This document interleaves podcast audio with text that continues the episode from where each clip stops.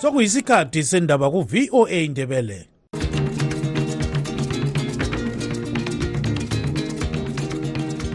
amatshono zihlobo siyalamukela kuhlelo lwethu lwezindaba eziphathelane lezimbabwe kustudio 7 eye voice of america sisakaza sisewashington dc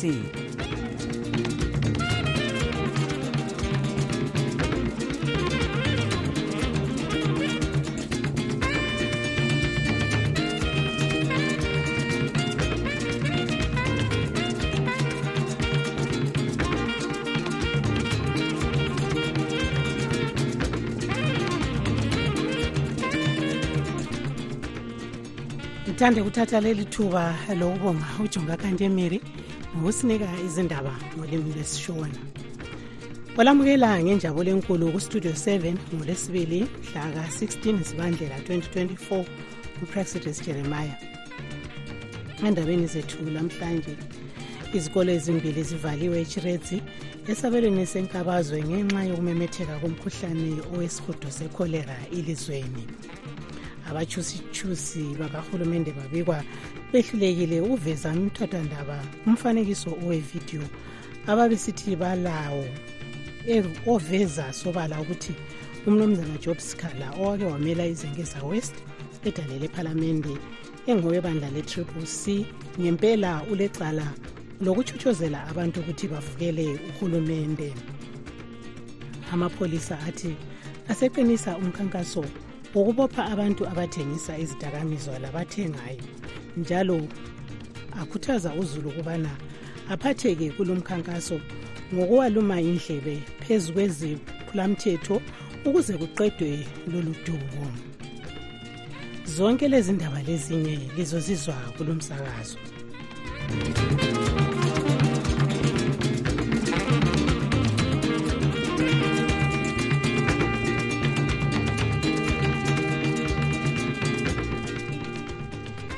izikolo ezimbili zivaliwe echiredzi esabelweni senkabazwe ngenxa yokumemetheka komkhuhlane wesihudo esekhorela elizweni kanye lakwamanye amazwe asemhlubulweni wezansi yezwekazi le-afrika. Izolo kulabantu abahlanu ababikwa befile njalo abedlula amakhulu amabili batholakale belomkhuhlane lo. Ichiredzi yiyo ebikwa ilabantu abaningi asebebanjwe yilo mkhuhlane ilandelwa yi-bite bridge ikuwadzana eharare ishtungwiza glenview eharare makonde kanye lebuyera. Kulabantu abafika phose inkulungwane ezingamashumi amabili 18332 asebebanjwe yilo mkhuhlane kusukisela ngesikhathi uqhamuka nyakenye. Uthabo kancube owestudio 7 uxoxa lo mnumzana ambrose sibindi owayekhokhela inhlanganiso yezakhamizi zakobulawayo eyebulawayo progressive residence association njalo elilunga le-triple c ngalolu daba. Kuhlungu ukuthi esukuzwela ngaphandle kwelizwe lezimbabwe kodwa ukhanye sungeni lezimbabwe sivangale-curious ukubana ezinye izikolo sezivaliwe. Sizwe lemanekalend ngapho ukuthi umkhuhlane lukhona le-harare sawuthi usungenile. So-ke esikutshiwo lapha yikuthi nxa umkhuhlane lo vele usukhona ezimbabwe kule ngozi enkulu yokuthi lathi lapha um kobulawayo singagcina sihlaselwa lomkhuhlane obungananzelela silabantu abahamba nsuku zonke amabhasi asuka khona leharare asuka komanicaland asuka kochipinge kuya la labotereze kuya la bebuthela abantu behamba besiyale lani so khona khona kule ngozi yokuthi kutsho ukuthi lathi njengobulawayo sofanele sinanzelele kakhulu ngoba lo mkhuhlane ungagcina usibambile. Um siyakunanzelela ukuthi umkhuhlane lowo um ungaze ungene ulokumemetheka masinya elizweni. So kuyinto ebuhlungu esisa ukuthi abantu njengezakhamisi sinanzelele ukubana siphile ngendlela ofanele siphile ngayo. Ukuphawulana-ke kume ezintweni ke sekele ukuqhawulana. Aluba kuya ngalo uhulumende siyananzela ezintweni kuyadliwa. Uhulumende ngawo uyafaka umthethwana okwaba khona isikhathi secorona labantu ukuthi um abantu isikhathi secovid ukuthi abantu bangadli ezintweni ngoba kulapho ongamemetheka khona. So sofanele uhulumende asondela afake imithetho yokuvikela abantu. Sibona lapha umkhuhlane lo umemetheka kakhulu lapho okulodubo lwamanzi khona njalo indawo eziningi zezimbabwe zikhangelane lodubo lolu kungenziwa njani? Ye liqiniso leli ukuthi um umkhuhlane lo okwenza umemetheke lapho odubo kulamanzi khona ukuthi ukuthi abantu ama-hygienic standards abe seyehlile abangananzela ezambuzini ngayinxa ungasaflashwa kuhle labantu basebenzambuzi bangagesi izandla yiko kwenza umemetheke. So sokukhona yikubana um nathi kobulawa liyananzela isiyohlupho olufananayo lwamanzi engxenye aluba kuya khathi siyananzeleka ukuthi indawo eziningi lakhona abakobulawayo yiwo amanzi ehlupha.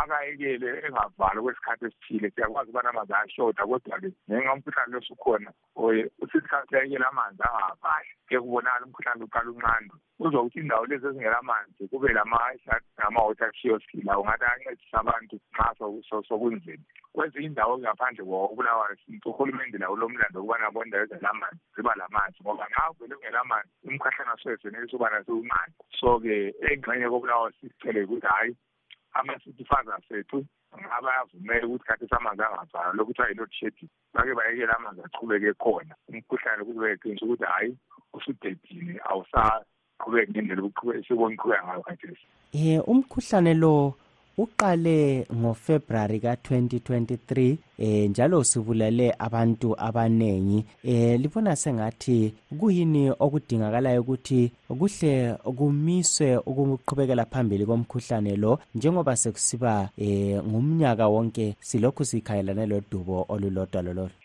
okokuqala sibona ngathi yimfundiso. Imfundiso iqakathekile. Abantu abaningi lo mkhuhlane abawuzwisisi ukuthi uyingozi njani. So sithi thina uhulumende um kakhulu iministry yezempilakahle lama-local authorities okulawa city council kwezempilakahle lapho kwi-department ze-health ekube le ndlela yokuthi kube nama-program abanzi okungena lapha um ezigabeni kuma-communities kuzakhamizi abantu befundiswa into yokuqala kufanele yenzakale le kwezathi bananzelele. Okwesibili um sinanzele ukuthi engxenye lezi nsweni lapho inamba kezinando kancane siyakwazi ukuthi thina njengabantu abamnyama singahlelwa siyashiswana siyekhuluma kodwa nxa umkhuhlane usukhona inamba zingabi nkulu kakhulu.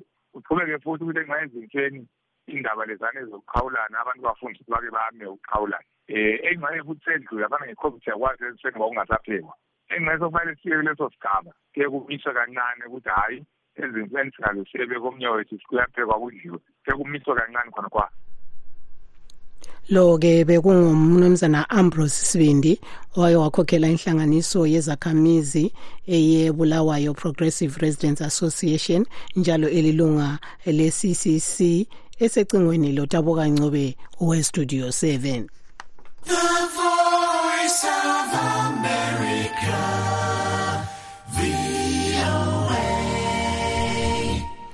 abatshutshisi babikwa behlulekile ukuveza emthethwandaba umfanekiso owevidiyo ababesithi balawo oveza sobala ukubana umnumzana job scala owake wamela izengeza west edalele ephalamende engowebandla le-triple c ngempela ulecala lokutshotshozela abantu ukuthi bana bavukele uhulumende. Lokhu kudale ukuba leli cala lidluliselwe phambili. Lokhu njalo kwenzakala ngesikhathi amapholisa evimbe umbuthano obuqoqwe ngabeqembu eliqhuzela ukukhululwa kukasikhala ele-job scala solidarity council ukuthi batshengisele ngokuthula. Sithi lokhu kwephula umthetho wokulondoloza ukuthula owe-maintenance of peace and order act.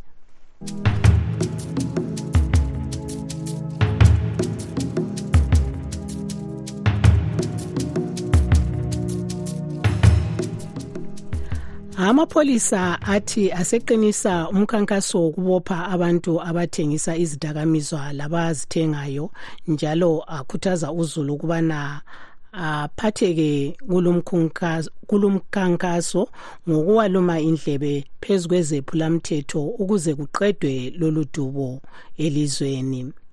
Embikweni esiwethulela mhla isikhulumeli samapholisa umnumzana paul nyathi uthe kulabasolwa abathathu abasanda kumiswa emthethwandaba ngemva kokutholakala belezidakamizwa ezigoqela i-crystal meth le-bronco coffee syrup uthi omunye wabasolwa utholakale ele-crystal meth ebiza izigidi ezedlula izinhlanu zamadola akwezimbabwe 5.3 million ukusetshenziswa kwezidakamizwa ludaba oluhluphayo ezimbabwe osolubhahe kakhulu kwabasakhulayo. Untungameli nkomo westudio 7 uxoxe lokhansila we-proportional representation kobulawayo unkosikazi phesinyathi.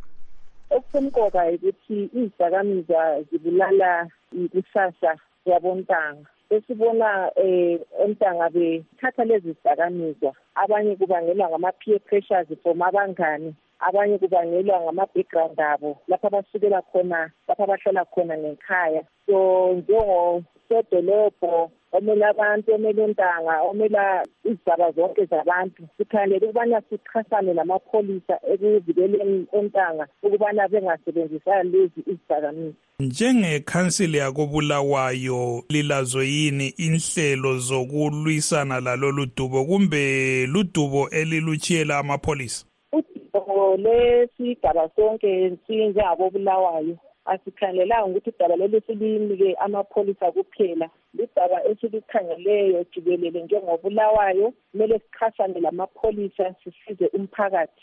Kobulawayo khona ungathi udubo lolu lubhahe kanganani? Siyake sizwe ngamavuzu phathi abantwana benza ukuganga besebenzisa okudakayo besiya emacansini. Lubhahe kanganani udaba lwezidakamizwa udaba lolu selujule kakhulu esingathi sekuyikhensa eselungene phakathi ebantwini ebantwaneni bethu. Ludaba sibili oselubangela ukubana abantwana laba basaziphathi ngembeko. Ludaba oselubangela ukuthi lakhona kubahlali kuma-societies kuma-communities ethu abantu abasahlalisani kuhle ngenxa yalezi zidakamizwa. Ngoba imbangela yibona abathengisa lezo zidakamizwa ngabahlali abahlala labantwana um kuma-communities wona lawo esikhuluma ngawo. Ama-communities wona izigaba ngezigaba ungathi zilazo yini inhlelo zokuqoqana zona zodwa izigaba inkokheli yezigaba ibambene yini ekulwisaneni lolu dubo? Inkokheli zezigaba zibambene kakhulu siyazama ukubana sivikele abantwana siyazama ukuba abantu bahlalisane kuhle kungabi lodlame phakathi kwama-communities wona lawo. Okuyikho kona okubangelwa izidakamizwa uhulumende yena sike sambona esungula amaqula awokulwisana lalolu dubo ebambisane lamapholisa. Ungathi zanele yini inhlelo zikahulumende? Siyafisa ukubana uhulumende angenele ngokujulileyo angenele kuzigaba zonke ukubana sincedise um labantwana bathole usizo ekubaneni silwisane lodubo lolu lwezidakamizwa siyafisa ukubana uhulumende asixhase singama-councillors abamela amadolobho. Siyafisa ukubana uhulumende angenele um ngezigaba ngezigaba ukubana silwise udlame lolo sekuthela memetheka udlame lwezidakamizwa. Unkosikazi phesinyathi ngukhansila we-proportional representation kobulawayo ubexoxa lontungameli nkomo owestudio 7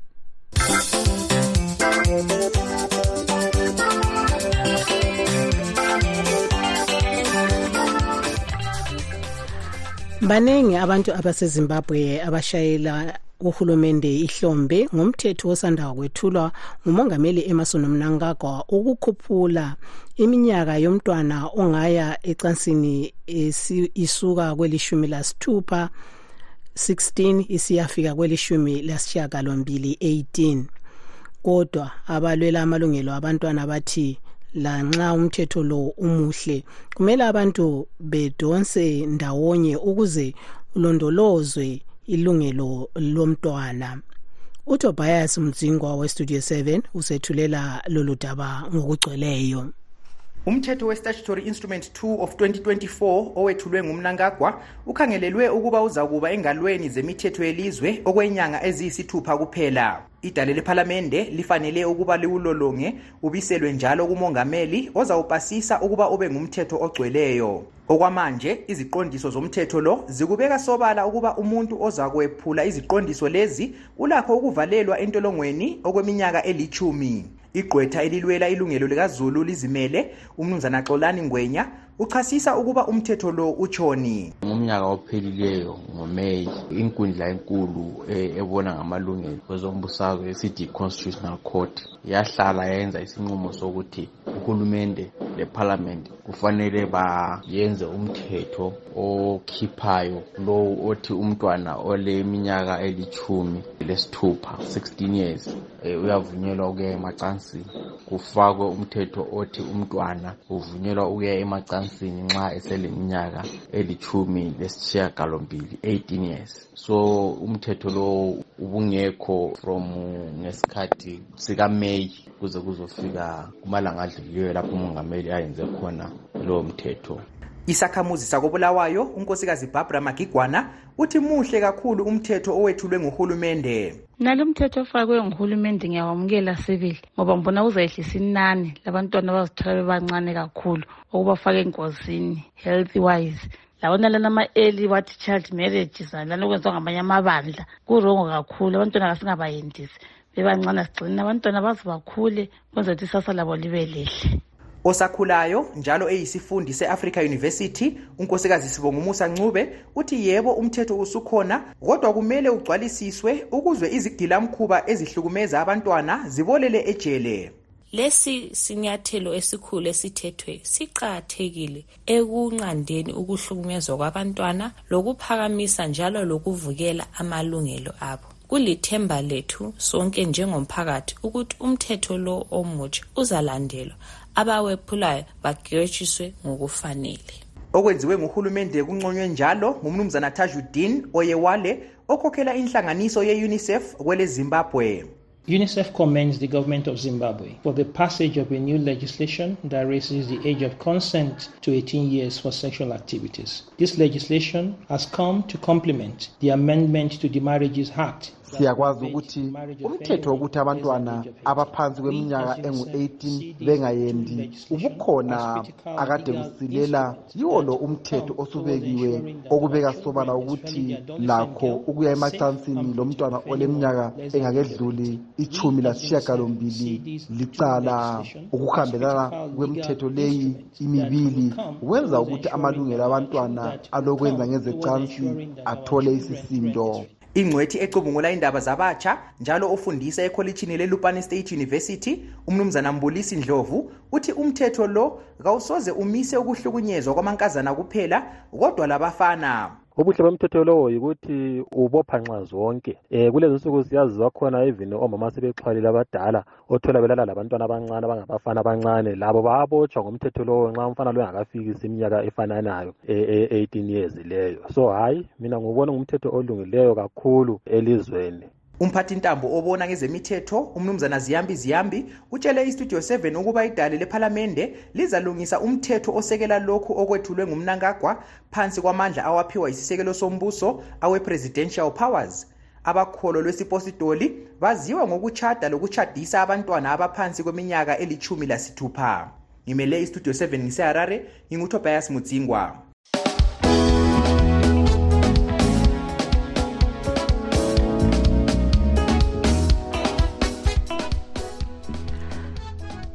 abaphila ngokuthenga lokuthengisa impahla lokudla bathi bathwele nzima ngenxa yokugugudeka komnotho okwenza abantu beswele le mali yokuthenga impahla abayithengisayo emgoqweni bathi bona lonyaka akuthembisi ukuba bazakwenelisa ukuphilisa izimuli zabo.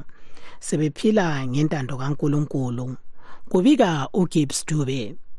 Omunye wabakhala ngokwenzakala emgwaqweni ngunkosazana charity mpofu othengisa impahla ayithenga kwele south africa lakwamanye amazwe. Engingakutsho ngebhizinesi yalonyaka lokhu kuqale umnyaka ka-2024 yikuthi njengabantu abaphila ngokuthengisa besingakayiboni ibhizinesi ukuhamba kwayo. Ngenxa yokuthi kuhle kwathi kuqala umnyaka kwahlangana lokuvulwa kwezikolo. So ekuvuleni kwezikolo sananzela ukuthi izikolo eziningi kuthe kuvula izikolo bebekhwezile ama-fees. Eh ngapha abantu bekhangelele ukuthi bathengele stationery lama-uniform kwavela kwavuka sokukhwele zonke izinto. Okungawo ukuthi abantwana at the same time babe lesidingo sokuthi lanxa besiya esikolo bahambe bethwele umphako wokudla esikolo. Zananzela ukuthi kusuke kwakhwela kwaze kwakhwela ngitsho lesinkwa so esingakutsho yikuthi lokhu kuqalise umnyaka ka-2024 business wise hhayi asikaboni ukuthi buhamba njani. Ngoba esingakutsho ukuthi imali vele kayikho abantu basakhangelane lezinto zesikolo basakhangelane lokukhwela kwentengo yokudla ezitolo. Unkosazana mpofu uthi kwesinye isikhathi bathola imali engatsho lutho ngelanga. Usungakwanisa ukuthi uthengise singathi 5 dollars 5 us dollar kumbe kusiyafika kubo 12 15 dollars. Eyimali eyenela ukuthi ugade ubuyela endlini ugade njalo usubuyela lapho othengisela khona. Eh kube njalo futhi nxa ulomntwana ogadayo esiya esikolo ugadise futhi lo mntwana wesikolo. Eh esingakutsho ukuthi lokho ekuqale nje umnyaka sesiphila silokho nje sicontinue siphila ibhizinesi ye-hand to mouth ngoba asikabi layo imali yokuthi ungakwanisa ukuthi uhambe uyethengisa ube le mali oyibekayo. Yonke imali nje esiyithengisayo iphinda njalo iphele esikhangelele ukuthi yikho kuzayenza futhi ukuthi kube nzima ukuthi sicontinue siwoda amabhizinisi eqhubekela phambili. Ngoba siyananzela ukuthi kuyena leyo futhi imali oyabe uyithengisile abanye uyabe unguwe i-bread winner zonke indleko zendlini zikhangele kuwe. Uphinde uthathe kuleyo mali isinkwa khathesi ngentengo esikhona udola usuphinda njalo ufake amakhoyini awerandi lase-south africa engathi yi-three rand sesisiba yidola three rand. Um ngokungakho nxa usuthengise i-five dollars kutsho ukuthi vele uhlusala ungasela lutho. Unkosikazi dorini selemani othengisa izigqoko lokunye enzikini yedolobho lakobulawayo layo uthi kunzima lonyaka Ah ibhizinesi lonyaka singathi 2024 kakakhanyi ukuthi kwamba njani. Since January abantu babhadala amafizi nakuthenga amabhuku ngoba since Zimbabwe everything susithenge uyathenga i-textbook uthenga ibhuku lokubhalela uthenga ipheni ubhadala ifizi so hayi ibhizinesi low kakhulu is very very low plus futhi okunye kade kubuhlungu ukuthi emabhukwini akhona lade sisithi siphephelele kuwo ebefladile hayi imakhethi ibifladile ngamabhuku. So cine vele indlela intengo esithengwa ngayo icine siyehla. Ngoba besiqale besewenza three dollars fifty eyi-ten sicine sisewenza ama-three dollars eyi-ten ama-seventy-two pages. So hayi ibhizinisi saloma sesikhangelele nje ukuthi maybe ujanuary ngaphela singene kwifebruwari kungaba ngcono. Unkosazana ntombi kayise mlilo. Ukhala kakhulu ngokugugudeka komnotho wezimbabwe. Kanye lezitolo zabantu bokuza. Okokuqala kungabe kudalwa ngumkhonomi wethu oyehlileyo. Abantu bahola i-rtgs batshintshe imali ibe i-us dollar bese sithengisa thina nge-us dollar. Okutsho ukuthi imali abeyiholile iyabe ingeneli ukuthi ikwanisele imuli zabo njalo babe lakho okuseleyo eceleni. Okwesibili kudalwa yikuba khona kwama-china shop kuwo wonke amakona akubulawayo. Kuba nzima kithi esithengisayo ngoba thina zathi siyawoda bese sizothengisa. Ama-china lawo ama-china shops abalethela impahla ngentengo thina esiwoda ngayo. Kwenza kube nzima ukusebenza kobulawayo ngoba uzathengisela bani? Wonke umuntu uyabe eqonda e-china shop. Uthi kuzima kakhulu emigwaqweni uyaswela yona yokugada ubuyela ngikhaya abaningi bathi kuza kuba nzima lonyaka ukuselela imuli zabo. Njalo kababoni umumo lo uguquka masinyane. Ngimele istudio 7 ngise-maryland ngingugibbs dube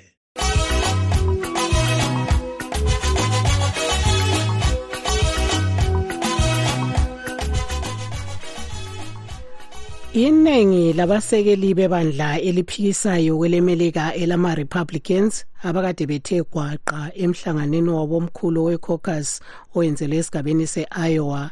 Babikwa lokhu besekela umnumzana donald trump owakwaba ngumongameli ukuthi angaba lakho ukukhokhela njalo leli lizwe kakuhle. Lanxa ebhekane lamacala amaningi asemthethwandaba sikhuluma kanje. Laba bantu abalombono onje babikwa beyisilinganiso sokubili kokuthathu. Abathi njalo lokhu lokhu bekholelwa ukuthi umongameli Joe Biden webandla lama-democrats akanqobanga kukhetho lomnyaka oka-2020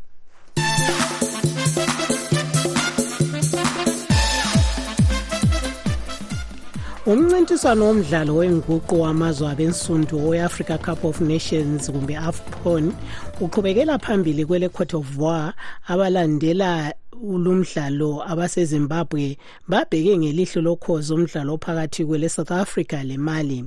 Namhlanje iqembu eleburkina faso linqobe ele-mauritania 1 ka-0 emdlalweni osanda kuphela okwamanje kudlala iqembu elimela itunisia uh, lelimela elenamibia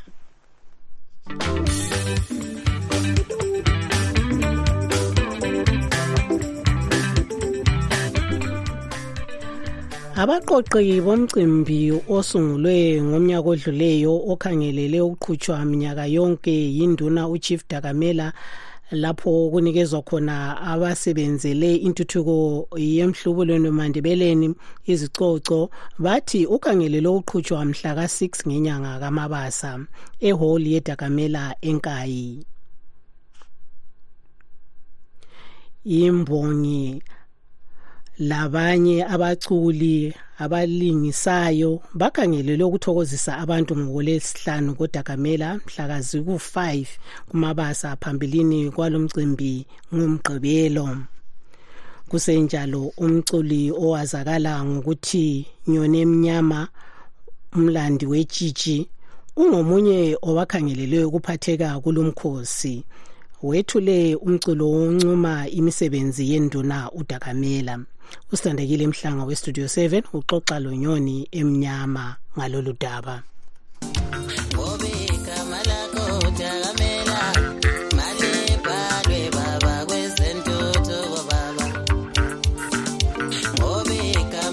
Eh nyoni emnyama le ebingelelayo Anthony Ochuma. Ingoma le ethi emlandweni kadakamela sizama ukukhuluma ngalokho esesikubonile okwenziwe ngudakamela. Eh okungakaze mhlawumbe kwenzeka in our lifetime mhlawumbe noma kuke kwenzeka thina besingekakuboni. Siqale ukukubonela kudakamela into ezifana nokwenza imicimbi yemgubho kadakamela ama-award ceremony kadakamela ukwakhela nje abogogo izindlu laba abangenazo ukukhuthazana um nesigaba sakhe ukuthi siqhubeke sifundise abantwana khokhana um nezinto ezifana nesibaya senkosi isiphala senkosi inani. Kungumlando owakhiwe ngudakamela endaweni yakithi komthwakazi ikakhulu endaweni yakithi enkaya thina njengabantwana basenkayi si-proud kakhulu ngodakamela. Into ayenzileyo so kuyadingeka ukuthi nathi singabaculi siphakame um simsekele kakhulu kulokhu akwenza.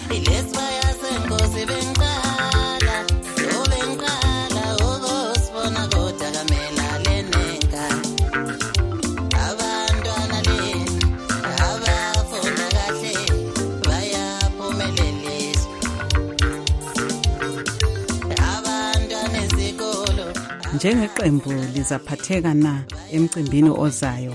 Ukodakamela njalo yiziphi ingoma elizasihlabela kumbe le yiyo eyabe ihamba phambili?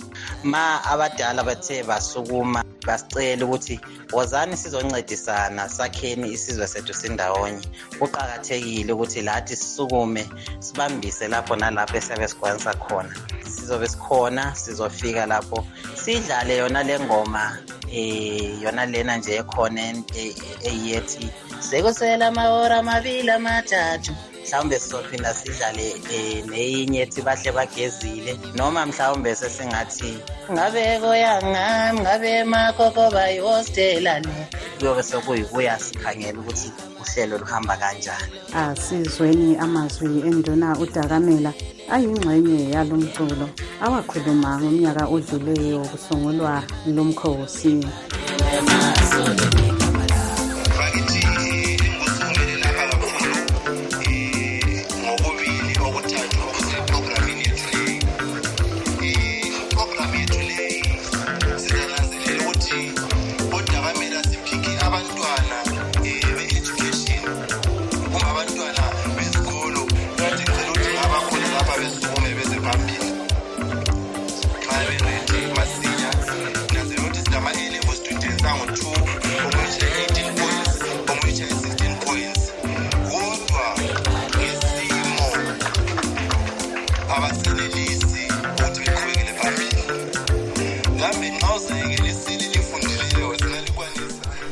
Abone-ke ngilethemba siwukholisile umculo kanyoni ezimnyama wechiji. Siluqiba-ke lapha uhlelo lwethu lalamhlanje olivalelisayo ngupraxidis jeremiah.